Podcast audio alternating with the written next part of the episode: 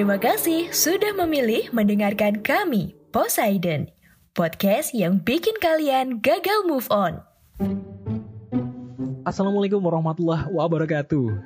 Podcast Sejarah Indonesia kembali lagi bersama saya Taufik dan sekarang podcast Sejarah Indonesia sudah masuk di season yang ketiga. Kita punya jargon loh, BTS, Bineka Tunggal Suara. Iya, bukan bineka tunggal sejarah, bineka tunggal suara. Kita berbeda-beda tapi tetap satu suara untuk persatuan Indonesia. Itu adalah BTS gitu ya. Sip. Oke, okay. dan kalau misalkan kalian mau mendengarkan episode ini, berarti kalian harus mendengarkan episode sebelumnya dulu karena ini adalah ngebahas tentang sama kolonialisme dan juga imperialisme, tapi dampak-dampak yang muncul di wilayah Indonesia. Kalau misalkan kalian belum tahu ataupun pengen ngerti apa sih kolonialisme dan juga imperialisme, sedangkan perbedaannya kayak gimana ataupun persamaannya kayak gimana gimana dengerin yang part 1 ya tentang kolonialisme dan imperialisme. Jadi kalian bisa uh, berkesinambungan untuk memahaminya. So tanpa panjang lebar lagi yuk kita cus di pembahasannya Ya, oke okay, sobat masa lalu, kita balik ke bahasanya. Kalau kemarin kalian ngedengerin tentang kolonialisme dan imperialisme, banyak banget sebenarnya pemahaman yang bisa muncul dari kolonialisme dan imperialisme. Dan juga pastinya kolonialisme serta imperialisme akan memberikan dampak. Dampak kepada siapa? Kepada negara yang didudukinya. Ya, jelas kalau misalkan negara yang didudukinya kemarin kita sudah bahas pasti mereka akan banyak ruginya dibandingkan dengan untungnya. Ada sih untungnya tapi tidak sebanyak itu. Tidak se apa ya, tidak sebanyak dari negara yang mendudukinya. Seperti Nah, sekarang kita akan ngebahas tentang dampak-dampak yang ditimbulkan dari kolonialisme dan juga imperialisme di wilayah Indonesia. Mari sama-sama kita lihat. Kita bahas yang pertama terlebih dahulu adalah tentang uh, politik aja ya, di bidang politik. Dampaknya apa? Gini, sobat masa lalu, disadari atau tidak sebenarnya bentuk pemerintahan kita itu uh, adalah turunan ataupun kemudian warisan dari Belanda ataupun dari negara-negara Eropa yang pernah ada di wilayah Nusantara kala itu. Mari sama-sama kita lihat. Kemarin kalau nggak salah di, uh, di part yang pertama, kalau kalian dengar, saya menyebutkan bahwa gimana sistem perpolitikan Indonesia dulu sebelum ada modernisasi yang datang dari uh, orang-orang Barat atau orang-orang Eropa, terah kerajaan atau uh, pemilihan sebuah raja, pemilihan raja itu diambil dari keturunan raja. Misalkan saya seorang raja di sebuah kerajaan, dan saya punya anak. Nanti anak saya yang akan meneruskan kekuasaan saya menjadi raja yang kedua. Anak saya punya anak lagi terus sampai ke bawah. Tidak boleh dari lain terah seperti itu. Sedangkan pada zaman ketika kolonialisme dan juga imperialisme datang, mereka berbeda Sistemnya diganti. Sistemnya diganti sebagai kepemimpinan yang bersifat pamong praja. Jadi jabatan yang sifatnya turun-temurun ini digantikan.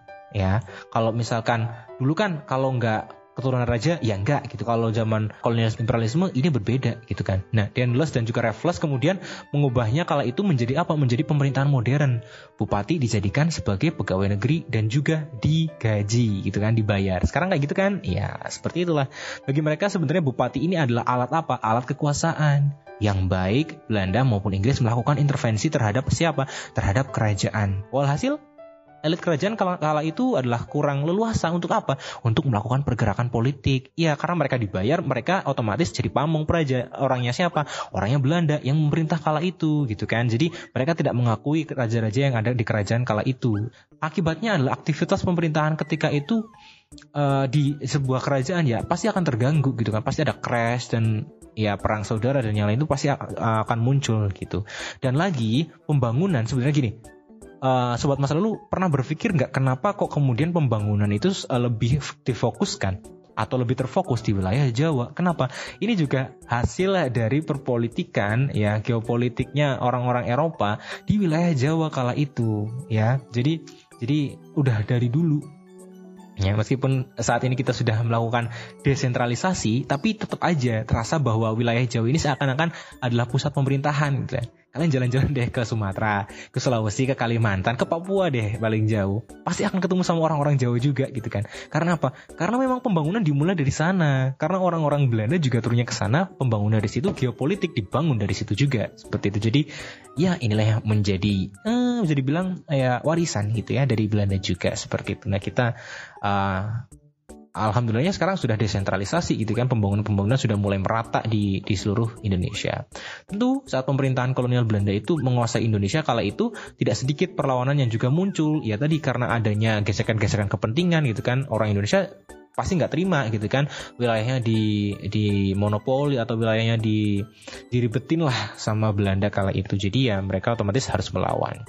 Itu gambarannya ya eh, sobat masa lalu tentang apa? Tentang bidang politik. Sekarang kita akan lanjut di bidang sosial budaya.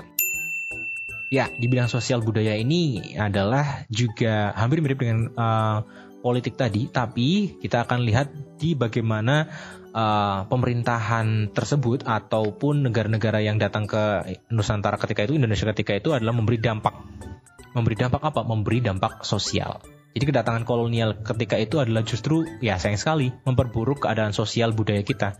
Adanya Belanda membuat kita terbiasa hidup dalam kotak-kotak masyarakat ketika itu. Jadi gini, dulu kita kenal sistem kasta pada zaman Hindu Buddha gitu kan ada ada Waisya, Sudra, Brahmana dan yang lainnya kayak gitu kan. Itu ada kan ya kasta itu ada sudah mulai muncul kan terus kemudian ketika masa Islam itu dilebur hilang gitu kan. Kita semua sama rata kayak gitu. Tapi ketika zaman kolonial itu datang lagi gitu kan. Uh, terdapat tiga penggolongan. Yang pertama orang Eropa sendiri yang kedua orang Timur Jauh yang ketiga bangsa kita bangsa pribumi. Jadi mau tidak mau bangsa kita adalah bangsa yang yang tertindas terus. Jadi kita yang bangsa paling rendahan gitu loh. Bangsa yang tidak apa ya tidak diperhatikan tidak mendapat kelas istilahnya kayak gitu itu adalah yang yang dibuat oleh orang-orang Belanda kala itu orang-orang Eropa yang datang di Indonesia kala itu gitu kan. Tidak hanya itu sebenarnya penindasan dan juga pemerasan secara kejam juga terjadi. Uh, upacara-upacara adat uh, di di istana-istana kayak gitu sering juga dihilangkan gitu kan. Yang mana sebenarnya kayak orang Indonesia itu ada upacara-upacara adat itu sering banget gitu ya. Walaupun zaman sekarang pun sudah mulai modern tapi tetap upacara-upacara adat itu muncul gitu kan. Kalau misalnya kita main ke Bali banyak banget gitu kan.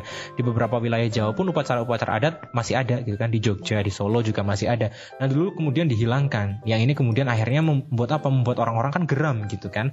Membuat orang Indonesia loh ini sudah menjadi tradisi saya kenapa kok kemudian diganti? Kenapa kok kemudian dihilangkan? Kayak gitu. Nah pemerintahan kolonial ini menggunakan bahasa Belanda kala itu juga dan akhirnya menghilangkan bahasa-bahasa yang sudah pernah ada di wilayah Nusantara gitu kan. Ya bahasa Indonesia bahasa Melayu dan juga bahasa Jawa kala itu yang yang ada di Jawa gitu kan. Nah itu mulai disingkirkan dan mereka menggantinya dengan bahasa-bahasa Belanda gitu ya. Karena orang Belanda ya pasti ngertinya bahasa Belanda gitu kan. Dan mereka nggak mau membaur ataupun uh, belajar banyak banget tentang bahasa yang ada di Nusantara ketika itu. Tapi justru orang-orang situ harus paham tentang bahasa-bahasa Belanda gitu kan. Ya akhirnya kemudian apa? Akhirnya uh, kemudian digantikanlah uh, bahasa-bahasa tersebut dengan bahasa Belanda gitu kan. Makanya kalau misalkan coba deh kalian tanya kakek nenek kalian ya yang masih sehat gitu kan coba ditanyakan mungkin uh, bisa berbahasa Belanda sedikit gitu kan. Tapi sebenarnya juga kita bisa melihat dari bahasa-bahasa serapan yang sekarang sudah mulai muncul dan malah justru menjadi bahasa-bahasa Indonesia seperti apa contohnya kantor gitu kan. Ini kan kata-kata kantor. Kalau bahasa Belandanya itu K A N T O O R. Nah, di Indonesia kantor juga gitu kan, tapi O-nya cuma satu. Terus kemudian uh, koran. Itu berasal dari kata kran K R A N T. Terus kemudian susah jadi koran gitu kan. Jadi perubahan-perubahan itu ada gitu. Itu adalah di sosial budayanya. Terlebih juga karena tadi orang-orang apa yang datang ke wilayah Indonesia itu kan mereka mengeruk kekuasaan gitu mengeruk kekayaan. Nah mereka mengeruk kekayaannya dengan apa? Pasti butuh tenaga kan. Nah tenaganya kemudian diambil dari masyarakat Indonesia. Mereka selalu kerja yang dinamakan dengan kerja paksa. Kerja paksa di zaman Belanda apa namanya? Rodi ya kalau Romusa Jepang. Sip. Kita lanjut ke bagian bidang ekonomi. Oke di bidang ekonomi ya. Karena tujuan Belanda di Indonesia ketika itu untuk apa? Ya untuk mencari rempah-rempah. Mereka harus membuat apa dong untuk uh, melancarkan ekspansi mereka melancarkan perekonomian mereka Ya, infrastruktur seperti gambarnya sekarang gitu kan. Bagaimana kemudian ekonomi bisa berjalan cepat, bisa uh, cost biayanya itu rendah, ya dengan membangun infrastruktur. Yang dilakukan Presiden Jokowi sekarang kan adalah membangun tol misalkan tol Trans Jawa gitu kan, memangkas jarak uh, tempuh, memangkas waktu tempuh gitu kan untuk untuk cepat lebih sam, uh, untuk sampai lebih cepat ya. Untuk sampai lebih cepat akhirnya apa? Akhirnya tetap terdistribusikan dengan cepat. Jadi biayanya lebih murah kayak gitu. Sama yang dilakukan Belanda dulu gitu kan. Mereka punya andil untuk membangun kayak waduk, terus membuat membuat saluran irigasi, membuat kawasan industri kayak gitu. Itu mereka bikin gitu kan. Tapi jangan kita berpikir dulu bahwa wah itu keren banget nih itu keren dan ini yang lainnya ya oke okay, itu keren itu kan bahkan sampai uh, jalur kereta itu juga dibangun oleh Belanda ya keren bener mereka benar-benar fokus kepada pembangunan-pembangunan infrastruktur. Tapi sekali lagi adalah yang digunakan untuk membangun tersebut adalah orang-orang Indonesia. Sebenarnya ada bayarannya ketika itu, tapi kemudian mungkin karena terjadi konflik gitu kan. Jadi uh, uang untuk membayar si pekerja-pekerja ini akhirnya macet dan mereka terkadang juga pengen membut, uh, membutuhkan tenaga-tenaga yang gratis tanpa harus dibayar gitu kan walhasil kerja paksa lah yang kemudian muncul. Selain itu sebenarnya ada yang positif juga bahwa uh, masyarakat Indonesia ketika itu dikenalkan uh, terhadap komoditas-komoditas ekspor yang laku di pasaran. Makanya pas zaman Eropa uh, masuk ke Indonesia itu mereka di, dicanangkan sebagai uh, ada tanam paksa ya sebenarnya bukan namanya tanam paksa gitu kan. Jadi kayak apa coba? Saya lupa tapi intinya adalah pertanian ya tentang tentang pertanian dan kemudian mereka dikenalkan tentang uh, komoditas-komoditas apa aja yang laku di pasaran Eropa. Mereka suruh nanam gitu kan. Tapi awalnya bagus nih. Mereka suruh nanam sebagian wilayahnya aja. Tapi semakin ke sini semakin ke sini mereka di uh, mereka untuk menanam secara paksa gitu kan. Menjual kepada Belanda secara paksa harus ditanam ini dijual kepada Belanda dengan harga yang murah gitu kan. Itu kan justru akan merugikan dari orang-orang pribumi kita, orang-orang Indonesia kala itu. Jadi ya sudah jatuh, tertimpa tangga pula gitu kan. Ya sudah, alhasil seperti ini. Apalagi ketika itu muncul sebuah monopoli dagang di wilayah uh, timur ya, yaitu adalah AIC dan juga VOC. Kalau VOC udah udah langsung ada di Nusantara gitu kan. Nah, VOC ini juga melakukan monopoli dagang ketika itu di wilayah Indonesia. Wah, tambah kacau lagi tambah parah lagi. Kalian belum dengarkan tentang bahasan tentang VOC, ya dengerin. Ada kok ya di episode podcast dari Indonesia. Dengerin aja di sana. Ya, dari ekonomi kita langsung lanjut ke bidang pendidikan. Di bidang pendidikan juga nggak beda jauh tentang gimana sih dampak kolonialismenya. Di bidang pendidikan ini, pemerintah kolonial berhasil memanfaatkan rakyat kita, memanfaatkan rakyat Indonesia untuk apa? Untuk dijadikan pegawai administrasi yang terdidik, terampil dan juga dihargai murah sekali lagi. Pintar, terampil, terdidik tapi harganya murah gitu kan. Wah, ini ironi banget ya. Secara pendidikan formal, Belanda itu kala itu menyusun sebuah kurikulum pengajarannya tersendiri sampai abad ke-19. Makanya ada kecenderungan politik dan juga pendidikan Indonesia di zaman-zaman sekarang ya. Itu tuh masih ada gitu ya. Masih ada yang tinggalan dari Belanda yang yang makin hari makin hari itu sebenarnya sudah mulai digantikan dengan yang cocok oleh uh, yang dengan yang cocok kayak Indonesia gitu kan. Tapi ya sekali lagi kita bisa lihat bahwa warisan itu masih ada.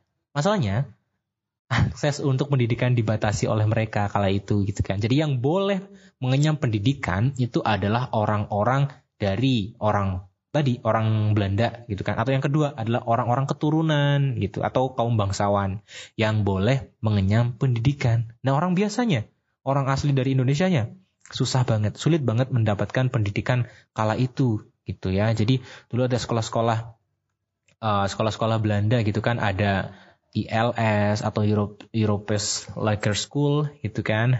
Terus ada Hollands Inland School gitu kan itu adalah SD. Terus kemudian di SMP-nya itu ada uh, eh, SMP ya, ada SMP-nya ada Andrews uh, Mir Mirut Gebrit Lager School atau Mulo gitu ya, bacanya gimana sih? Mulo gitu ya, Mulo, terus kemudian ada AMS gitu kan, AMS ini adalah sekolah tingkat menengah gitu kan, SMA. Terus ada tingkat tingginya kita kenal uh, seperti School of Leading Fun in this Art Sen atau STOFI ya, mungkin ini juga sudah sudah mulai nggak asing di telinga kalian gitu kan. Tapi karena pendidikan ini adalah difokuskan kepada anak-anak Belanda tadi ataupun anak-anak yang bangsawan tadi mendapatkan pendidikan, akhirnya para kaum kaum uh, apa Indonesia yang intelek juga yang mendapatkan pendidikan juga, akhirnya apa? Akhirnya mereka geram dan mereka membuka pendidikannya mereka sendiri. Walhasil ketika itu muncul seperti Budi Utomo, ada Muhammadiyah dan juga perguruan nasional Taman Siswa yang mereka berfokus kepada pendidikan untuk warga pribumi. Orang Indonesia harus pinter gitu kan. Zaman dulu dulu mau mendapatkan pendidikannya pendidikan aja susahnya kayak gitu gitu kan harus harus gimana caranya mendapatkan pendidikan, curi-curi materi dan yang lainnya. Terus mereka tidak mendapatkan hak untuk pendidikan. Sekarang hak untuk mendapatkan pendidikan dibuka seluas-luasnya. Tapi ya saya nggak mau lanjutkan lagi. Semoga kalian bisa melek dengan ini semua gitu ya. Bahwa dulu itu susah, sekarang itu gampang. Kenapa sih kemudian ketika diberikan kegampangan, kalian uh, yang apa ya yang diberikan kemudahan itu tidak memanfaatkannya dengan baik. Jangan sampai ya, jangan sampai kita kita seperti itu gitu. Sobat masa lalu enggak dong, enggak kayak gitu dong. Pastinya sobat masa lalu tuh kece-kece gitu kan dan mementingkan pendidikan juga gitu. Buktinya dengerin podcast sejarah Indonesia untuk belajar sejarah. Oke, ya sobat masa lalu, demikian pembahasan saya tentang dampak kolonialisme dan imperialisme di Indonesia.